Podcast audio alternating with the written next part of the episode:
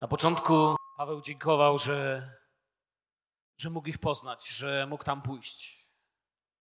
Potem posilał ich swoim słowem w czasie dni prześladowania i mówił, że wycierpieli od swoich rodaków podobnie jak on wycierpiał. Pisał o tym, że chciał tam pójść, ale przeszkodził mu szatan. Pisał o zmaganiach, napominał, cieszył się, radował, a potem przeszedł do sedna i zaczął pisać o zmartwychwstaniu, które jest udziałem każdego, kto przebywa w Jezusie Chrystusie. Kiedy napisał i zapewnił Kościół, ten pierwszy Kościół o zmartwychwstaniu, zaczął mu mówić, że to, na co tak naprawdę Kościół czeka, to jest powtórne przyjście Pana Jezusa po swój Kościół. Kiedy opisał i powiedział nam o tym, przeszedł do tego, w jaki sposób powinniśmy żyć, aby być tymi, którzy są Kościołem czekającym na Jezusa. Jakie mamy ku temu narzędzia. Pisał o nas, którzy należymy do dnia. O nas, którzy przyjęliśmy Jezusa jako Pana, Zbawiciela, tego, który przemienił wewnętrznie nasze życie. Za każdym razem, kiedy przychodziłem przez ostatnie dziesięć nabożeństw, które głoszę nasze biblijne wieczory czwartkowe, mówiłem, że to jest najstarszy dokument chrześcijaństwa, że jest to jeden z najstarszych pism, jakie mamy w Nowym Testamencie, najstarsze. I dzisiaj Paweł, po tym, kiedy wyjaśnił, napisał o kościele, który czeka na Pana, który oczekuje zmartwychwstania, który się tym pociesza, zamyka swoje przesłanie ostatnimi napomnieniami, pocieszeniami i pozdrowieniami. Mam nadzieję, że tych dziesięć czwartków pomogło Wam w lepszym zrozumieniu tego listu. Mam nadzieję, że kiedy go teraz czytacie, ma, jest bardziej ułożony, że bardziej do nas może przemawiać, mówić. Wiecie, Kościół oczekujący na Jezusa nie tylko wie, na kogo czekać, ten list nam mówił, ale wie też, co ma o tym myśleć i wie, w jaki sposób ma czekać. Taki przez te wszystkie nasze studia był ten list. Pokazywał radość, pokazywał napomnienie, pokazywał troski, ale i cel i pouczenie, w jaki sposób wytrwać. Myślę, że zauważyliście, że dostaliśmy w pierwszym liście do Tesaloniczan wspaniały obraz pierwszego kościoła. Tego pierwszego kościoła, który spotykał się, radował się, modlił się, był przed Panem, tego czym żył, czego się uczył, w czym się musiał doskonalić, co im nie szło dobrze. I jeżeli czasami pragniemy powrotu do źródeł, to jednym z lepszych tekstów do tego jest właśnie pierwszy list Pawła do Tesaloniczan. Przejdźmy teraz do piątego jego rozdziału, jeżeli macie swoje Biblię przy sobie. Jeżeli nie, posłuchajcie uważnie to, co będzie czytane. Otwórzcie się, żeby Duch Święty mógł to słowo w Was położyć, mógł Was pouczyć, posilić, zachęcić. Tesaloniczan, pierwszy list do Tesaloniczan, piąty rozdział od dwunastego wersetu chciałbym czytać. A prosimy Was, bracia, abyście darzyli uznaniem tych, którzy pracują wśród Was. Są przełożonymi Waszymi w Panu i napominają was. Szanujcie ich i miłujcie ich jak najgoręcej dla ich pracy. Zachowujcie pokój między sobą. Wzywamy was też, bracia. Napominajcie niesfornych, pocieszajcie bojaźliwych, podtrzymujcie słabych, bądźcie wielkoduszni wobec wszystkich. Baczcie, ażeby nikt nikomu złem za złe nie oddawał, ale starajcie się czynić dobrze sobie nawzajem i wszystkim Zawsze się radujcie, bez przystanku się módlcie, za wszystko dziękujcie. Taka jest bowiem wola Boża w Chrystusie Jezusie względem was. Ducha nie gaście, proroctw nie lekceważcie. Wszystkiego doświadczajcie, co dobre tego się trzymajcie. Od wszelkiego rodzaju zła z dala się trzymajcie, a sam Bóg pokoju Niechaj was w zupełności poświęci, a cały duch wasz i dusza i ciało niech będą zachowane bez nagany na przyjście Pana naszego, Jezusa Chrystusa. Wierny jest ten, który was powołuje. On też tego dokona. Bracia, budźcie się zaraz Pozdrówcie wszystkich braci pocałunkiem świętym. Zaklinam was na Pana, aby ten list był odczytany wszystkim braciom.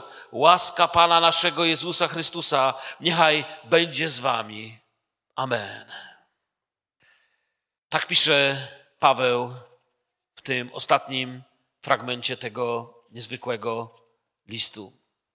Wiecie, ja myślę, że tych kilka wersetów, które przeczytaliśmy teraz, jeżeli słyszeliście uważnie, jeżeli nie ulegacie temu przyzwyczajeniu do religijnego języka, do religijnego tekstu, który towarzyszy naszemu czasami takimi chrześcijańskiemu życiu, po prostu przyzwyczajamy się i czasem nie słyszymy już uważnie tego, co naprawdę jest czytane, to tych kilka wersetów opisuje Kościół z marzeń.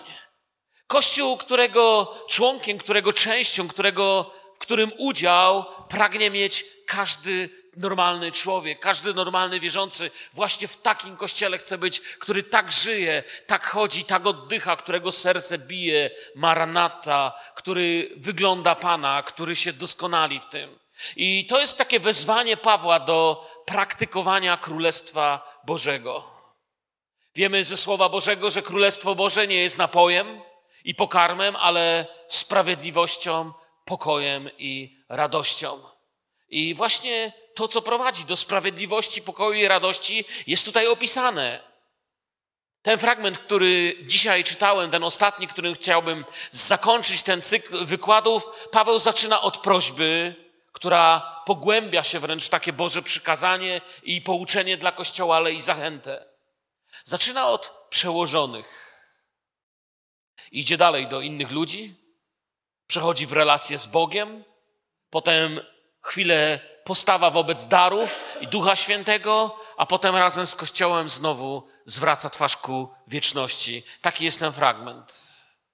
Myślę, że cały ten list i ten ostatni, ten koniec, to zamknięcie jego pokazuje nam, że nie będziemy rozliczani z jakichś naszych religijnych egoizmów, ale ze wspólnoty wobec Boga i wobec bliźnich. Z dwóch największych przykazań miłuj Pana i miłuj bliźniego, miłuj Boga z całego serca, z całej duszy, ze wszystkich swoich sił, podobnie bliźniego jak siebie samego. I tego właściwie uczy cała Biblia różnymi sposobami. Bóg przemawia różnymi słowami. A prosimy Was, bracia, abyście darzyli uznaniem tych, którzy pracują wśród Was są przełożonymi waszymi w Panu i napominają was, szanujcie ich i miłujcie jak najgoręcej dla ich pracy, zachowujcie pokój między sobą. Kiedy apostoł zwraca się mówi, słuchajcie bracia, to wiele razy objaśniałem wam, że jest to taki zwrot grzecznościowy, taki zwrot też duchowy i formalny, dotyczący nie tylko braci, ale całej wspólnoty Kościoła. Innymi słowami, on nie dotyczy tylko mężczyzn, a do kobiet na przykład Paweł powie, a wy akurat to nie musicie tego czy tamtego. Wiecie, szanujcie przełożonych, daszcie ich uznaniem, autorytet. My dzisiaj żyjemy w czasach bez żadnych autorytetów. I cierpią z tego powodu i starsi, i młodsi, i problem z tym mają zarówno starsi, jak i młodsi. Kiedyś pamiętam, jak byłem dzieckiem, to słyszałem czasami, jak dziadek mówił, że wy, młode pokolenie, to nie macie żadnego szacunku do niczego. Dzisiaj, kiedy trochę więcej lat mam niż sześć, widzę, że to jest taki duch na tym świecie, że ani starzy, ani młodzi nie mają za bardzo szacunku do czegokolwiek dzisiaj. Ale zawsze tak było, świat zawsze to tak też odbierał. Nie wiem, czy kiedyś wam mówiłem, czytałem kiedyś takie dokumenty, papierusy przetłumaczone, rzymskie, już nie pamiętam z jakiej okazji nawet to przeglądałem w którejś z moich książek, ale to, co mnie tam uderzyło, to że praktycznie zanim jeszcze Pan Jezus się urodził w kulturze rzymskiej, już ktoś pisał, że ta dzisiejsza młodzież wyraźnie wskazuje na to, że ludzkość długo nie przetrwa. Pomyślałem sobie, już dwa tysiące lat temu narzekali, ach, ta dzisiejsza młodzież. Ale faktycznie coś się dzieje ze światem. Brak jest dzisiaj autorytetu. I Paweł wyraźnie naucza, chcę wam powiedzieć, szacunek do autorytetu, szacunek do bliźnich, to jest biblijna nauka.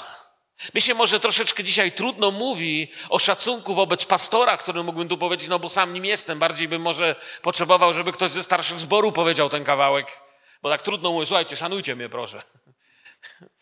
I tak wam dziękuję za waszą miłość i błogosławieństwo wielu z was. Wiecie, słowo autorytet oznacza z łaciny, ono jest autoritas. Znaczy powagę i znaczenie. Czyli nie traktowanie kogoś niepoważnie albo bez znaczenia. Jeżeli mamy wobec człowieka autorytet, to to nie znaczy, że wiecie, musimy, nie wiem, jakoś się przed nim kłaniać, ale traktować go i rozpoznawać jego znaczenie. To znaczy, autorytet powinniśmy zarówno mieć wobec malutkich dzieci, które tu pośród nas biegają, jak i wobec siwej głowy. Ponieważ autorytet znaczy powaga, znaczenie. Każdy człowiek w Bożych oczach ma znaczenie. Za każdego człowieka Pan Jezus umarł. Tutaj akurat Paweł mówi o przełożonych w kościele, którzy pracują wśród Was, są przełożonymi Waszymi w Panu, napominają Was. Kraj, kościół, organizacja, gdzie nie szanuje się przywódców, nie wzrasta i nie rozwija się. Wszędzie, gdzie traci się szacunek do przywódców, jest problem. A dzisiaj w Europie mamy ogromny problem z autorytetami. Bardzo niewielu ludzi modli się o rządzących. Bardzo często sam jestem świadkiem, kiedy wierzący ładują się w politykę, czy to zarówno tutaj naszą czeską, czy tą polską, która jest bardzo wyrazista w swoim języku. Zapominając o tym, do czego zostali powołani, myślę, że ten fragment przypomina nam o naszym powołaniu i poświęceniu. Nic złego mieć udział w polityce, dużo złego, zapominając o tym, kim jest człowiek i autorytetach. Jeżeli, wiecie, jak już mówiłem, to słowo tłumaczone autorita z łaciny znaczy powaga, znaczenie, pochodzi ono od słowa augeo, co oznacza wzrastanie. Jeżeli pośród nas mogą wzrastać przywódcy, mogą wzrastać ludzie, to wtedy my wzrastamy. Chcę Wam powiedzieć, nigdy w historii Kościoła nie było Kościoła, który przerósłby tych, którzy mu służyli. Gdyby to się stało, to właściwie musiałbym usiąść, nie miałbym nic do powiedzenia. I nie próbuję dzisiaj z kazalnicy powiedzieć, że słuchajcie, ja i tak jestem największy z was. To nie jest to, co chciałem powiedzieć. Chcę powiedzieć, że w miarę jak ja rosnę, rośniemy wszyscy. W miarę jak bracia rosną. Absolutnie nie chcę dzisiaj powiedzieć, że wiecie, my z braćmi to tu tak najwyżej jesteśmy. Jest wiele rzeczy, których się od Was możemy uczyć. Ale właśnie szacunek wzajemny, błogosławieństwo autorytet powoduje, że możemy wzrastać i używać tego, co daje nam Pan. Owoc autorytetu to jest szacunek i pokój w kościele. To jest to, kiedy zaczynamy mieć taki kościół, jakim marzymy. Wiecie, jest tylko jeden korzeń, czy jedna przyczyna, która zawsze odrzuca autorytet. To jest ta sama przyczyna, z powodu której nie możemy miłować swojego bliźniego. Podam Wam jedyną przyczynę, nieraz tu o tym mówiłem, czy mówię o niej wiele razy, z powodu której nie możemy miłować bliźniego. Jest tylko jedna taka przyczyna. Nazywa się pycha i innej nie znajdziecie. Biblia nam otwiera prostą drogę do miłowania nawet swoich nieprzyjaciół. Jest tylko jedna przeszkoda, nazywa się pycha. Jeśli kogoś nie możesz miłować, to Twój problem znajdziesz gdzieś w okolicach pychy, gdzieś w okolicach braku wyznania grzechu, Krótko mówiąc, pychy. I podobnie jest z autorytetem.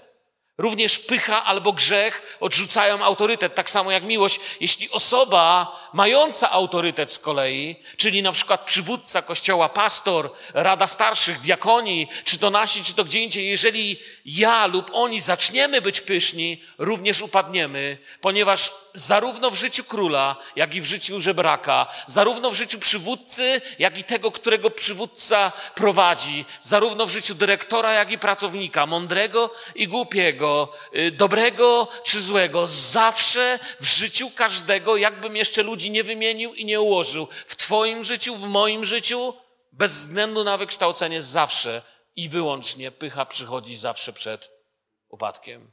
I nie ma od tego wyjątku. Nie ma rodzaju ludzi, u których pycha przyszłaby przed czymś wielkim, czymś Bożym. Nie ma rodzaju jakiejś pychy od Ducha Świętego, której byśmy powiedzieli, no ta pycha to jest taka lepsza.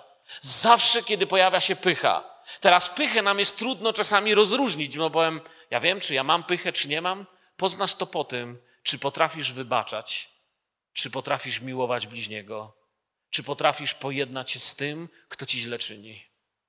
Jeżeli potrafisz, to znaczy, że twoje serce jest skruszone przed Panem, ponieważ jest zdolne robić to, co normalne serce cielesne, takie kamienne, ludzkie, nie takie cielesne, wiecie, myślące cieleśnie, nie jest w stanie zrobić. Pycha zawsze przychodzi przed upadkiem. Nigdy nie przychodzi przed zwycięstwem. Grzech zawsze, nawet z najlepszą intencją, grzech zawsze rodzi śmierć. Dlatego Paweł mówi, aby był porządek w kościele. Szanujcie. Kościół, ludzie do jedności i pojednania zawsze potrzebują Jezusa. My potrzebujemy. Brak autorytetu jest przekleństwem Kościoła. Kiedy Kościół zaczyna mieć braci, starszych, czyli starszostwo, diakonów, pastora, którego się nie darzy szacunkiem, modlitwą, to on nie ma szans, oni nie mają szans i my nie mamy szans. Takie miejsce jest obłożone przekleństwem, które usuwa możliwość bycia uczniem Jezusa. Wiecie, kiedy Jezus, dzi dzisiaj nie ma tego autorytetu i zobaczcie, dzieci nie szanują rodziców. Bardzo często czytamy i słyszymy o rodzicach, co nie szanują dzieci. Ludzie nie szanują przełożonych, nie szanują władzy, nie modlą się. Jedną z rzeczy, które Pan Jezus przywraca, kiedy Mesjasz przychodzi w nasze życie, rzeczywiście jest autorytet do starszych, do przełożonych nad nami, syna do ojca. Nie wiem, czy zauważyliście w księdze Malachiasza, pisze, że Jezus odnowi autorytet. Kiedy przyjdzie, jeżeli Mesjasz przyszedł w nasze życie, to również odnawia szacunek do innych. Jest napisane, oto ja poślę wam proroka Eliasza. I wiemy, że to Malachiasz mówi o Jezusie. Ostatnie wersety. Zanim przyjdzie wielki i straszny dzień Pana i zwróci serca ojców ku synom, a serca synów ku ojcom, abym, gdy przyjdę, nie obłożył ziemi klątwą. Ponieważ brak autorytetu, brak szacunku to jest klątwa. Jest przeciwnością. Klątwa oznacza nieszczęście.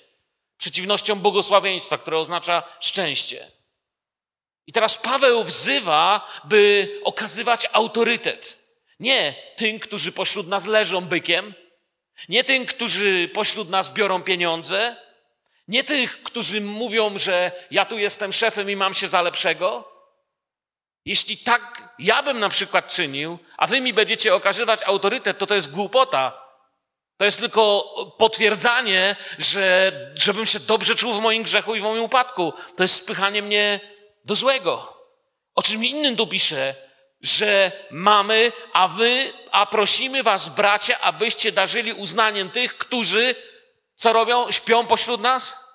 Pracują pośród nas. Są przełożonymi w Panu, czyli mają w Panu przełożenie, mają relacje z Panem, o których widzicie. I, I wiecie, jak mówię, trudno mi jest komentować ten werset, bo jakby ja tu jestem w tej roli pastora przełożonego, czy jak to tam chcecie nazwać, i teraz ja wiem, że mam pracować, mam być w Panu. Moje marzenie jest, żebyście widzieli w moim życiu Pana Jezusa. Panu i napominają was, a więc ktoś, kto pracuje, chodzi z Bogiem i jest napomnieniem. Jego życie, Jego służba. Ten ktoś, Bóg mówi, nie gniewaj się, okaż mu autorytet. Innymi słowami, przełożeni, w których widzicie Jezusa. Mamy tu też właśnie to słowo napominają. I nie zatrzymywałbym się na tym słowie i poszedłbym dalej, gdyby nie to, że za chwilę cały Kościół zostanie wezwany przez Pawła do napominania. Czyli już nie tylko przełożeni, ale całe zgromadzenie również zostaje wzywane, abyśmy byli ludźmi, którzy napominają swoich bliźnich. I coś z tym trzeba zrobić, coś o tym trzeba powiedzieć, bo chwilę później apostoł Paweł wezwie nas wszystkich do służby napominania. I ważne, wiecie, jest teraz, abyśmy wiedzieli, co to jest to służba do napominania. Napominać, co to może znaczyć w ogóle. Cię mnie parę razy tak napomniano w życiu, że mnie mało z butów nie wyrwało. Parę razy to napominanie trochę przypominało taki ostrzegawczy strzał w plecy. Nie wszyscy wiedzą, co to znaczy, i niektórzy próbują to robić, i ani nie umią tego robić, ani nie wiedzą, co to znaczy. I chcę o tym tutaj parę słów powiedzieć teraz. To jest takie greckie słowo, no keteo. Ono tłumaczone jest jako napominać. Dosłowne znaczenie tego słowa teraz chcę, żebyście wiedzieli. Abyście teraz, kiedy będziecie kiedykolwiek jeszcze czytać słowo przetłumaczone, przynajmniej w tym przykładzie, jako napominać, abyście wiedzieli, co czytacie, przyjaciele. To słowo dosłownie napominać nie oznacza tak sprać, aż się ruszać przestanie, jak niektórzy myślą. To słowo oznacza zachęcanie, pocieszanie, podnoszenie, takie pomaganie wstać. Usłyszeliście mnie, przyjaciele? Albo i pobudzać. Dzięki, bracie, za Twoją grekę. Wiecie, mamy się wzajemnie zachęcać, pocieszać, podnosić. Jeszcze jak ty rozpowiedziałeś? Pobudzać. To jest to. To jest to, co znaczy dokładnie słowo napomnienie. Takie podnoszenie. Można by było, może to jest odważne i lekko za daleko posunięte, ale powiedzieć, że pięknym przykładem napomnienia jest miłosierny Samarytanin. To jest to, co znaczy napomnieć brata. Wiecie, napominanie to, w czym nam się kojarzy ze szkoły, albo z poprawczaka, albo z wojska, to to nie jest to samo. Napominanie z gniewem jest osądzeniem w oparciu o własny grzech, własny brak cierpliwości, o to, kiedy napominamy kogoś nie dlatego, że traci relację z Panem, ale dlatego, że nam w końcu tak dopiek, że już nie możemy być cicho i, i nas język swędzi, żeby mu coś powiedzieć. I mówię, ja cię teraz napominam, Panu. To nie jest napominanie, to zawsze prowadzi do zła. Napominając jest napominający, jest budowniczym kościoła, a nie tym, który załatwia swoje sprawy. Także chciałbym, byście to wiedzieli. Napominanie z gniewem nigdy nie powinno mieć miejsca. Kiedy na przykład karamy nasze dziecko z gniewem, to od razu nie mamy racji. Od razu nie mamy racji, nawet jak mamy rację. Zaczynamy mieć problem. A Jasiek się już uśmiecha, będzie to wykorzystywał. Później ci to wytłumaczę dokładniej. Wiecie, o Bożym słudze jest napominane w 2 Tymoteusza 2,25 tak. Napominający z łagodnością krąbr, krąbrnych, czyli nieposłusznych, tu jest dokładnie użyte, w nadziei, że Bóg przywiedzie ich kiedyś do upamiętania i do poznania prawdy i że wyzwolą się z sideł diabła, który ich zmusza do pełnienia swojej woli. To jest to, dla kogo jest napomnienie. Popatrzcie, o czym tu mówi Paweł do Tymoteusza, teraz przeczytałem fragment. Mówi, kogo napominamy? Napominamy krąbrnych, czyli nieposłusznych. Tych, którzy się pogubili, zagubionych, pomieszanych, takich zabałaganionych, ludzi w chaosie. I to rozpisze z łagodnością. Dlaczego? Bo po pierwsze mamy nadzieję co do ich życia, że Bóg przywiedzie ich do upamiętania, bo tego chcemy, tak czy nie? No tego chcemy, jak napominamy. Mamy naszych rodziców, nasze dzieci, naszych bliskich, sąsiadów, których musimy napomnieć. Uczmy się napominać. Bądźmy kościołem, gdzie napominanie jest, ale jest takim prawdziwym biblijnym napominaniem. Amen. Zobaczcie, kogo napominamy. Kogoś, kto liczymy, mamy nadzieję, że się upamięta, że pozna prawdę i jeszcze jedno, wyzwoli się sideł diabła, który zmusza go do pełnienia swojej woli. To jest to, co apostoł pisze. Pobicie tutaj człowieka, znieważenie go, sprzezywanie go, nic nie wniesie w jego życie. On jest w sidłach. To nie ta metoda. Potrzebujemy mocy Bożej, nie gniewu naszego. Teraz kogo, jeszcze wracając do tego wersetu, kogo według Pawła mamy szanować jako przełożonego? Pracującego wśród Was, stojącego przed Panem, napominającego w Panu. Dlaczego do tego wróciłem? Bo jeśli teraz Paweł pisze o szacunku do przełożonego, przełożony jest krąbrny, czyli widzimy, że jego życie odchodzi od Boga, to nie tyle mu trzeba autorytetu, co mu trzeba miłości i napomnienia. Więc jeśli w moim życiu zobaczycie, że odchodzę od Pana, to nigdy nie zróbcie błędu, ale miejcie wtedy czas, żeby się o mnie modlić, żeby, może ja czasami też potrzebuję, żeby mnie przytulić, żeby mnie podnieść i żeby mnie posilić. Bo ja niestety, powiem wam, ja wiem, że nie wiedzieliście, ale powiem wam, nie jestem Panem Bogiem. Ani nasze starszostwo nie jest. My się mylimy. Potrzebujemy waszej modlitwy, wsparcia. Teraz tak mamy czynić w miłości. Czyli miłość jest takim doskonałym wzorem, jak matematyka. Są takie wzory matematyczne, że jak w cokolwiek je wsadzisz, to się zadanie rozwiązuje. Matematycy uwielbiają wzory. Miłość jest takim wzorem. W cokolwiek ją włożysz, sprawy się zaczynają zmieniać. Zlekceważ miłość, nie użyj wzoru, sprawy zaczynają się gmatwać. I teraz Paweł zwraca się właśnie do reszty Dlatego tu mówiłem przez chwilę o tym napomnieniu. Wzywamy was też, bracia, napominajcie niesfornych, pocieszajcie bojaźliwych, podtrzymujcie słabych, bądźcie wielkoduszni wobec wszystkich. Czyli zobaczcie, teraz do reszty Kościoła jest, teraz do ciebie Bóg mówi. Teraz tobie Duch Święty mówi, napominaj. I zobaczcie, jakie to jest ważna sztuka, tego się trzeba nauczyć. Teraz tutaj Paweł mówi, wzywamy was, dokładnie możemy to przetłumaczyć. To nie jest jako może bardziej takie wezwanie w sensie rozkazu, a bardziej on mówi, zachęcam was do takiego ogólnego duszpasterstwa, tak trochę parafrazując ten tekst. Problemy innych ludzi na tym świecie, moje problemy, Twoje problemy, problemy tych, których kochamy i których mamy problem kochać w naszym kościele, nie są okazją do dominacji nad nimi. Kościół to nie jest dżungla, że ten, kto jest słabszy, biedniejszy, musi zginąć. Tu są inne prawa. To, co u świata jest powodem do omijania, pogardzania, wyśmiewania, w kościele daje Ci możliwość naśladowania Jezusa. Właśnie wybaczanie, właśnie darowanie długów, właśnie przebaczanie innym daje Ci możliwość naśladować Jezusa. Dla niesfornych mamy być wezwaniem, mamy wezwanie do napominania. Niesforni teraz jeszcze raz. Sprawdziłem sobie dokładnie to słowo w słowniku. Niesforny to jest nieposłuszny, bałaganiarz i człowiek, którego życiu jest chaos zamiast duchowego porządku. I mamy jesteśmy wezwani, aby go napomnieć. Napomnienie znaczy co? Zachęcić, podnieść, zbudować. Oni są poza porządkiem Kościoła i potrzebują przywrócenia. I to jest powodem, że ich życie jest w zagrożeniu, w bólu, w rozczarowaniu. Oni w bólu krzyczą, a my czasami robimy egzegezę tego, co ktoś powiedział, jak sobie młotkiem palet przybił. Zamiast robić egzegezę Słowa Bożego, jak mu służyć. Czyli rozbiór do, dokładny Słowa. Dla bojaźliwych mamy wezwanie do pocieszania. Bojaźliwy to jest oligopsychos, czyli brak siły, żeby stawić czoło przeciwnościom. To jest bojaźliwy.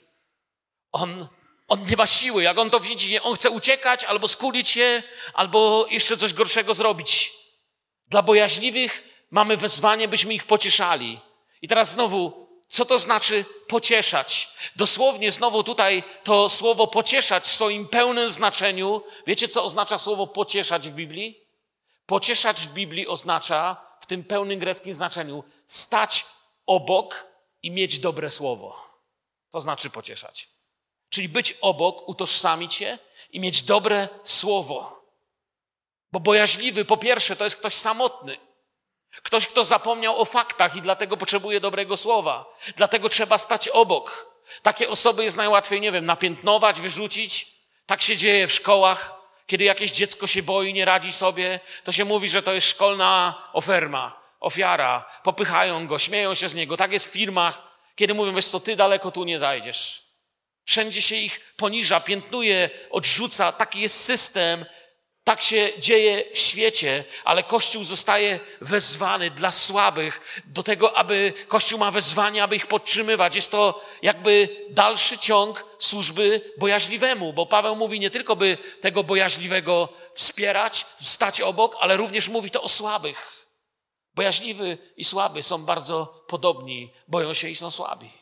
To bardziej upodobnicie do Jezusa. Wczytujcie się w tekst listu Pawła. Później mamy następne wezwanie do wielkoduszności dla wszystkich. Co to jest wielkoduszność? Gdzie mnie to zainteresowało, to słowo. No, brzmi fajnie, wielkoduszność, nie? Ale chciałem zobaczyć, co to słowo znaczy. Ono pochodzi od słowa, ja nie chcę wam tutaj, wiecie, się jakąś gramatyką popisywać, ale takie ciekawe słowa są dzisiaj tu użyte. Makroteo oznacza y, cierpliwość po prostu ogromne serce, otwarte, makro, nie mikro, makro. Wielka cierpliwość, wielkoduszność to jest wielka cierpliwość. Cierpliwość, szeroko otwarte serce dla innych. Mamy takie wyzwanie do, wobec naszych bliźnich od Ducha Świętego w dzisiejszym tekście. To samo słowo mamy użyte, wiecie gdzie? Wielkoduszny. Właśnie ta makrodusza otwarta. Miłość jest i tu jest to słowo cierpliwa. To samo słowo. Dalej Paweł pisze, werset 15. Baczcie, ażeby nikt nikomu złem za złe nie oddawał, ale starajcie się czynić dobrze sobie nawzajem i wszystkim. Czyli po pierwsze Paweł nam mówi, uważajcie, bo to jest możliwe w kościele. Paweł nie pisze gdzieś do y, baru w Tesalonice, gdzie tam, wiecie, jeden oddaje drugiemu. Pisze do kościoła, wiecie. I on mówi tak, parafrazując teraz, pilnujcie, żeby słowo zemsta nie było nawet używane pośród was. Zemsta nie przystoi wierzącemu człowiekowi. Zło za zło nie jest Bożym sposobem. A wiecie dlaczego? Bo ekonomia Królestwa Bożego nie, nie działa w ten sposób, ponieważ zło za zło, wiecie co oznacza? Że najpierw było jedno zło, a potem będzie drugie zło i zamiast być na świecie jedno zło, są dwa zła. Zło za zło oznacza dwa, dwie złe rzeczy, a wybaczenie teraz, przebaczenie neutralizuje zło. Było jedno zło, zostało wybaczone i zostaje rozpuszczone. Wybaczenie powoduje korozję wobec zła. Tak samo działa na zło wybaczenie, jak sól na karoserię twojego samochodu. Zabiera jego szansę na wzrost przyszłości. Zobaczcie dzisiaj, jak ludzie są nakręcani do zemsty. Politycznie, wszędzie. Czynienie dobra jest naśladowaniem Jezusa. Zło za zło nie jest drogą ucznia Jezusa. Jeśli czynisz zło za zło, nie idziesz śladami Pana Jezusa. I teraz szesnasty, osiemnasty werset. Też ciekawy werset. Fajne jest to zakończenie tego listu. Zawsze się radujcie. Zawsze się radujecie? To zależy, co rozumiemy pod słowem radość. Bez przystanku się módlcie, za wszystko dziękujcie, taka jest bowiem wola Boża w Chrystusie Jezusie względem Was. Oto wola Boża. Czasami się pytamy, jaka jest wola Boża dla mojego życia? Pamiętacie, podczas innego wykładu tłumaczyłem zasady, filary woli Bożej. Mówiłem, że jest odwieczna wola Boża, czyli to, co Bóg zamierza, zrobi, i nie ma najmniejszego sensu modlić się, żeby Bóg tego nie zrobił, jak na przykład to, że Bóg obiecał, że przyjdzie Mesjasz w swoim czasie. To jest odwieczna wola Boża, jak to, że Kościół, że Pan przyjdzie po swój Kościół. Są rzeczy, które Bóg zamierzył, trzeba się z nimi pogodzić, ponieważ to jest na, oj, plan naszego Ojca. Jest później wola Boża objawiona nam w Piśmie Świętym, której nie możemy traktować na zasadzie, wiecie, że ja czuję, że mam to robić albo nie. Mamy ją robić. A pomiędzy tymi dwoma filarami Mamy wolę Bożą, którą Bóg nam objawia osobiście dla naszego życia, ale te dwa filary muszą zostać zachowane. Nie chcę się za dużo powtarzać, nie chcę dwa razy tego samego słowa do Was głosić. Ale czasami my mówimy, Pan chce, żebym mnie powołał do Afryki, żeby mnie powołał do Chin. To, że Ciebie Bóg powołuje do Afryki, albo Ciebie powołuje, żeby głosić tutaj w nagródku, albo w czyńcu komuś powiedzieć słowo, nie znaczy, że ze mną to robi. Nikt nie może powiedzieć, wiesz co, Ty chyba nie jesteś zbawiony, bo Bóg Cię nie powołuje do Afryki. To jest osobista wola Boża. Ale tutaj jest ten rodzaj woli Bożej, które musimy przyjąć. Czyli to jest tak, jak ja bym powiedział, ty byś mi powiedział, wiesz, Pan mi pokazał w słowie, nie kradnij.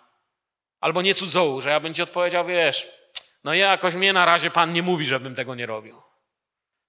To jest słowo, tego nie można zmienić. To ma tak być. I, i, i nie możecie po prostu jakoś tego usunąć.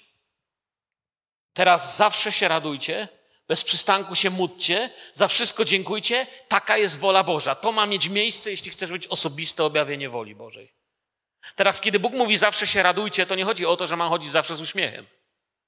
Uśmiech to jest uśmiech, a radość wewnętrzna, wiecie, Kościół doświadczał radości nawet w więzieniach, nawet w prześladowaniach, ponieważ radość jest pewnego rodzaju spełnieniem, które działa przez miłość, a nie przez zachciankę.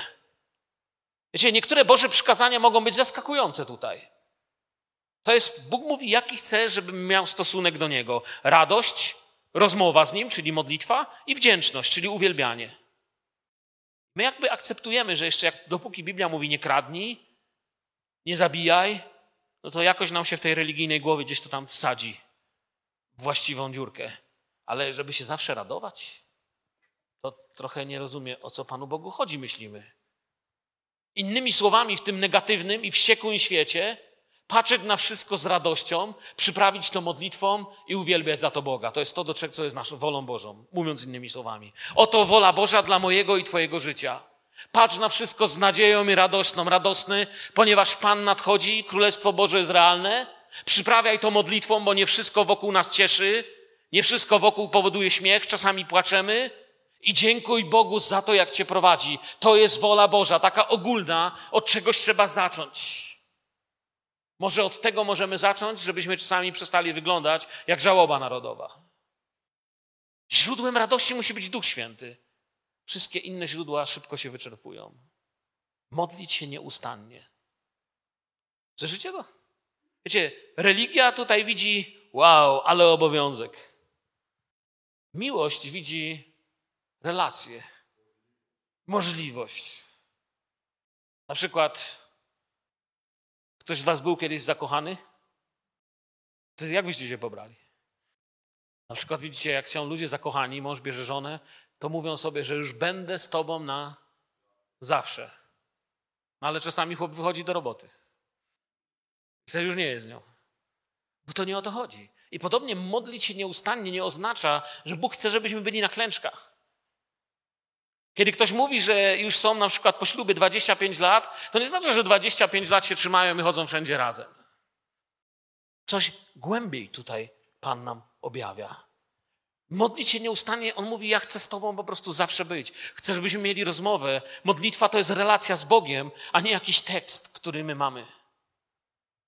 I teraz za wszystko dziękować, to znaczy różnić się od świata, który za wszystko przeklina i narzeka.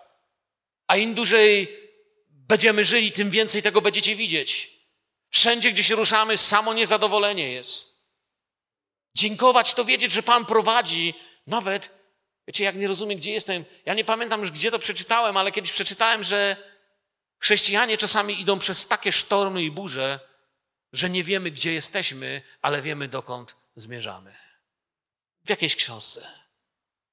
To jest wola Boża, nie wymysł Pawła. I teraz dziewiętnasty werset mówi, ducha nie gaście. Duch jest jak płomień. Chce rozpalać w nas co? Dary. I czasem ludzie tego tak się boją, że wolą to zagasić.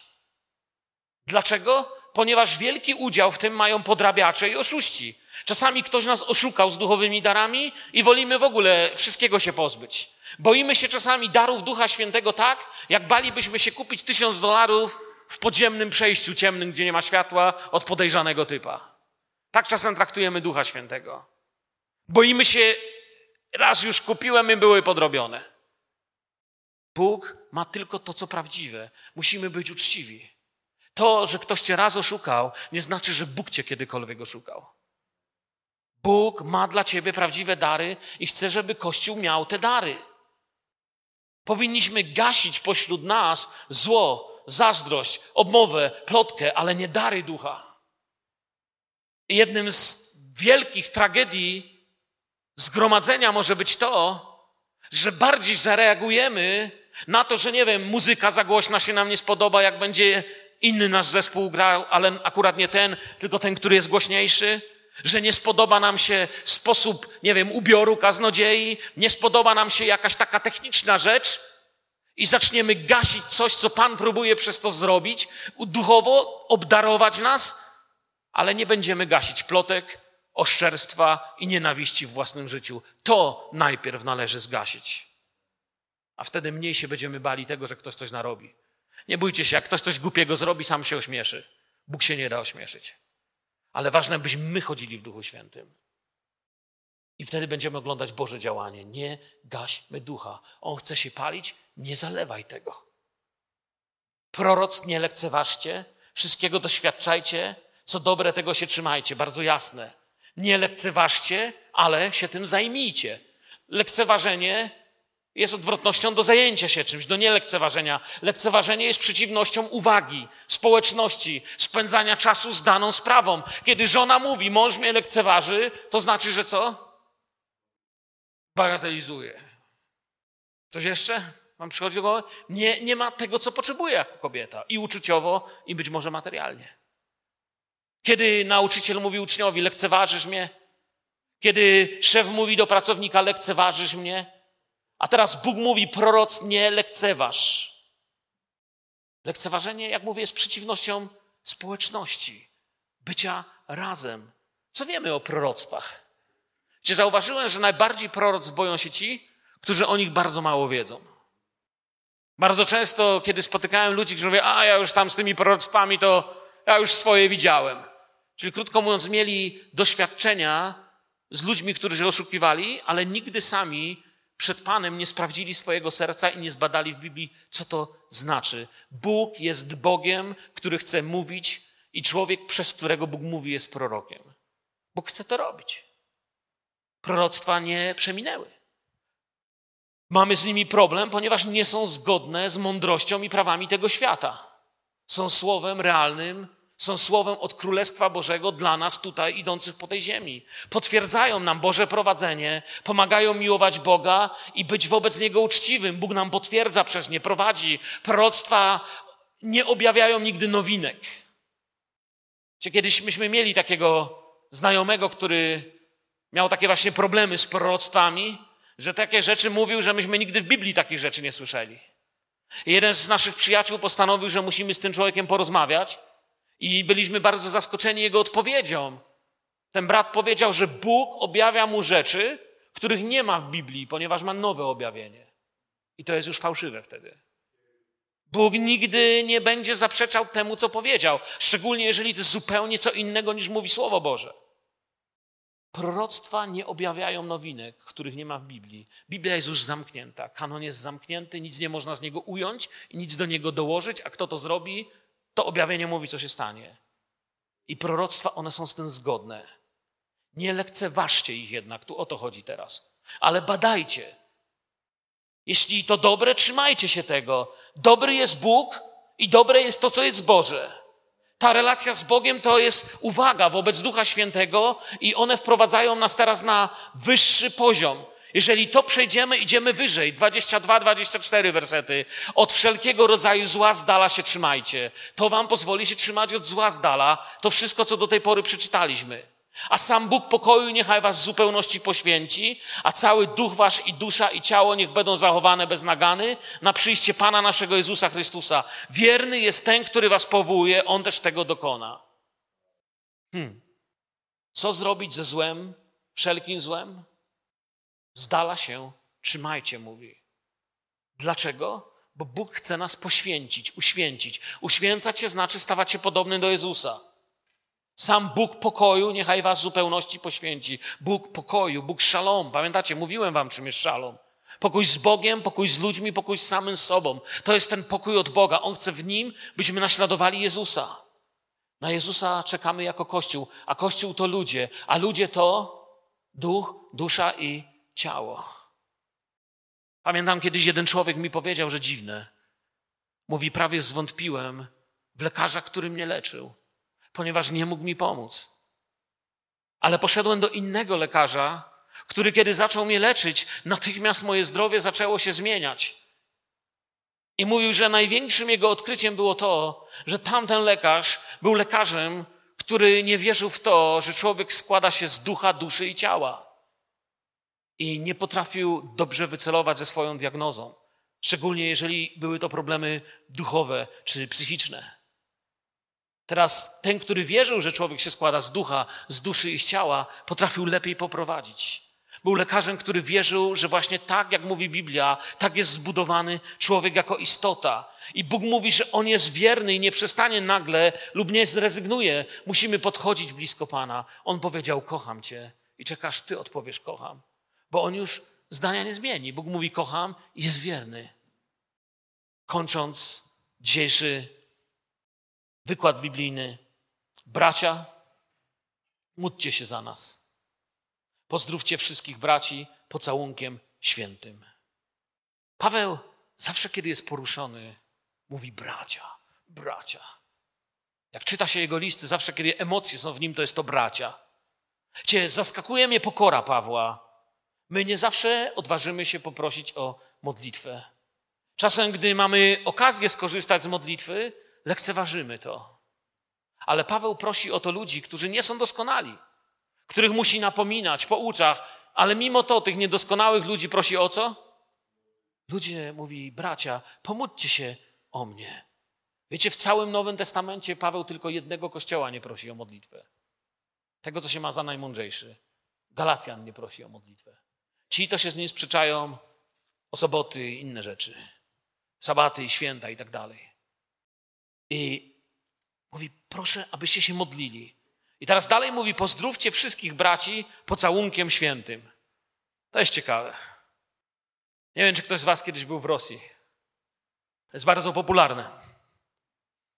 Tam jak mnie rano pocałował brat, to jeszcze po południu czułem. Tak? Solidnie. Mało oczu nie wyssał. O co tu chodzi? Paweł nie chce teraz, pomyślcie o tekście, pozdrówcie wszystkich braci pocałunkiem świętym. Czyli ten, który moment, ten, który odczytuje list Pawła, ma w tym momencie zwinąć papierus i przejść i każdego ucałować? No bo miałby być posłuszny Pawłowi? Nie.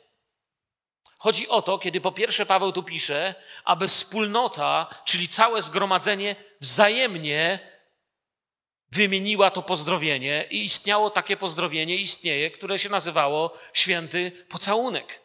W kulturze greckiej stosowano go i całowano w rękę, w ramię albo w nogę, w stopę, jeżeli to był sługa albo ktoś, kto przeżywał wielką pokutę i uniżenie. Niekoniecznie w chrześcijaństwie, nawet w pogaństwie to stosowano. Czasem w usta. Święty pocałunek, wiecie, czytałem w jednej książce, nie wiem na ile to jest prawda, nie jestem fachowcem, ale czytałem w jednej książce, że tego podobno nie znano nawet w synagodze, że to była nowa kultura kościoła, takie pozdrowienie. Chociaż z drugiej strony czytałem również w Biblii, że Judasz właśnie tak pozdrowił Pana Jezusa, kiedy go zdradzał. Ale nie chcę się, wiecie, udawać mądrego w dziedzinie, na której się nie znam. To, co wiem, to pozdrawiano się tym pocałunkiem i na początku był to, wiecie, taki czuły gest w pierwszym kościele miłości, pozdrowienia. Potem, co jest ciekawe, kiedy czytałem w historii Kościoła, zaczęto nadużywać świętego pocałunku i Kościół doszedł do tego, że niech kobiety całują kobiety, a mężczyźni tylko mężczyzn. Nie pisało, jak zaczęli nadużywać, bo na pewno niektórzy z Was chcieliby posłuchać, ale nie wiem. Potem tradycja zaczęła powoli zanikać. I co jest ciekawe, dzisiaj są znowu wspólnoty, które do tego wracają.